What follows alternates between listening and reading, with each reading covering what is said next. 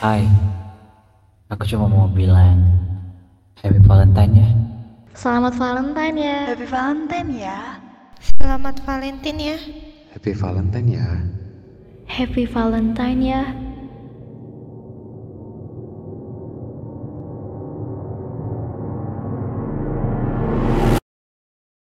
Hai guys, kalian apa kabar? Harus selalu baik ya.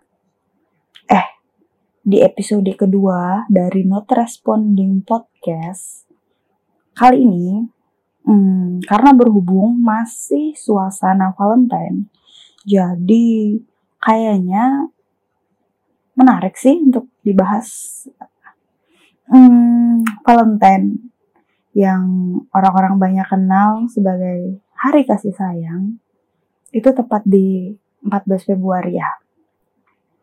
Gue nih sempet nanya ke sebagian orang mengenai apa sih Valentine buat mereka. Nah, gue dapet nih beberapa stigma mengenai Valentine dari stranger gue. Contohnya tuh ya, uh, gue gue pilih sih beberapa. Nih, yang pertama tuh menurut gua sih Valentine itu budaya barat yang masuk ke Indonesia dan jadi salah satu ikon khusus di bulan Februari setiap tahunnya. Oke. Okay. Di sini gue menyimpulkan bahwa menurut doi Valentine itu budaya barat terus jadi kayak jadi jadi ikonnya Indonesia jadi ikon khusus di Februari ya sih uh, orang mengenal Februari sebagai Valentine ya. Next. Banyak orang bilang Valentine itu adalah hari kasih sayang. Dan menurut gua bukan soal kasih sayang yang hanya sehari tapi lebih ke kayak anniversary-nya gitu loh. Anniversary kasih sayang kak. Oh oh oke okay, oke. Okay nih uh, menurut doi itu Valentine itu anniversary-nya kasih sayang. Jadi kayak lu nih sayang nih sama nyokap lu tapi anniversary-nya di hari nyokap di hari ibu gitu. Mungkin gitu kali ya. Paham paham. Next. Kalau gue sendiri sih ya begitu nggak begitu antusias dengan Valentine. Karena kasih sayang itu bisa diutarakan dalam waktu 365 hari dalam setahun. Kalau bisa lebih, kenapa harus berpatokan pada satu hari yang terkhusus? Oke, ini tipikal orang yang hmm, berasumsi bahwasannya ya kasih sayang itu tidak hanya di Valentine doang gitu. Ada 365 hari dalam setahun dan lu bisa ngungkapin sayang lu dalam setahun. Oke oke, mungkin kayak gitu ya kurang lebih. Next, gue sih bukan penganut Valentine ya, tapi gue juga gak benci Valentine. Gue golongan orang yang tidak mengikuti budaya Valentine, tapi cinta budaya diskon di hari Valentine. Oke, ini gue banget nih, yakin. Setuju gue. Karena, eh, gue ya, gue itu eh, antusias di Valentine adalah ketika setiap resto warung makan yang punya diskon-diskon khusus untuk Valentine coy ya gak sih? Uh, oke okay, next terakhir nih. Satu lagi nih. Hmm, apa ya? Satu lagi ya satu lagi aja ya. Biar nggak banyak banget. Gua sih manusia paling demen sama Valentine karena menurut gua di tanggal 14 Februari ini tuh gue bisa ngungkapin sayangnya ke siapa aja ke temen, sohib, doi, orang tua, bahkan aku sering ngucapin Valentine buat diri aku sendiri. ya kayak hmm, momen aku sayang sama diriku. Karena kalau hari-hari biasa kayak gengsi gitu loh kak, ngungkapin sayang ke orang lain. Oke. Okay. Masuk akal sih, kayak tiba-tiba lu ngucapin uh, gue sayang gitu kan. Lucu ya? Iya sih. Mm-hmm. oke oke. Cukup menarik ya ternyata. Gue setuju sih sama stigma yang terakhir. Karena menurut gue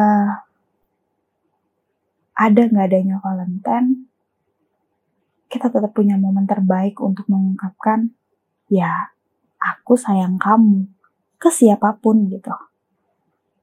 Tapi dari inti semua perspektif yang gue dapet, gue mau ambil kesimpulan dan sedikit saran nih buat kita semua, terutama buat diri gue sendiri ya.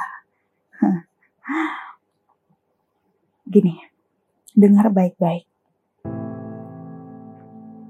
sebelum kalian mati-matian mempersiapkan hati dan menyusun kalimat, ada baiknya kalian siapkan untuk diri kalian sendiri, untuk diri kita, untuk yourself, untuk myself.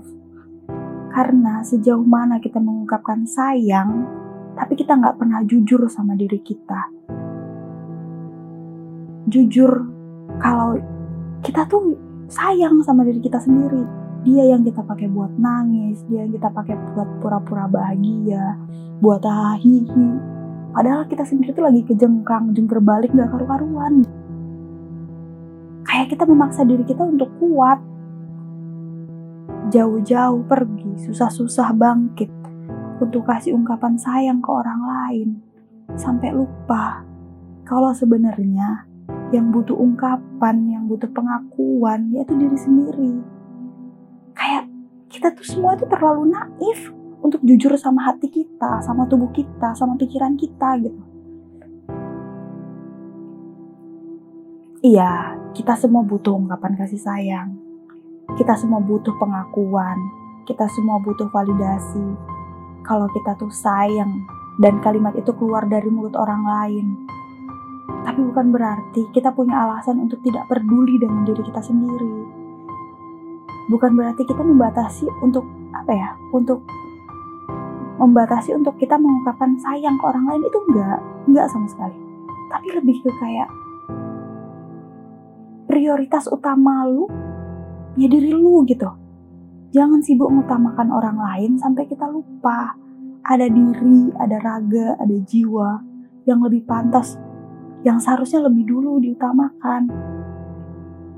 Kita haruskan dan kita pastikan dulu kalau yang bahagia itu diri kita dulu baru orang lain gitu. Kalian paham kan maksud gue?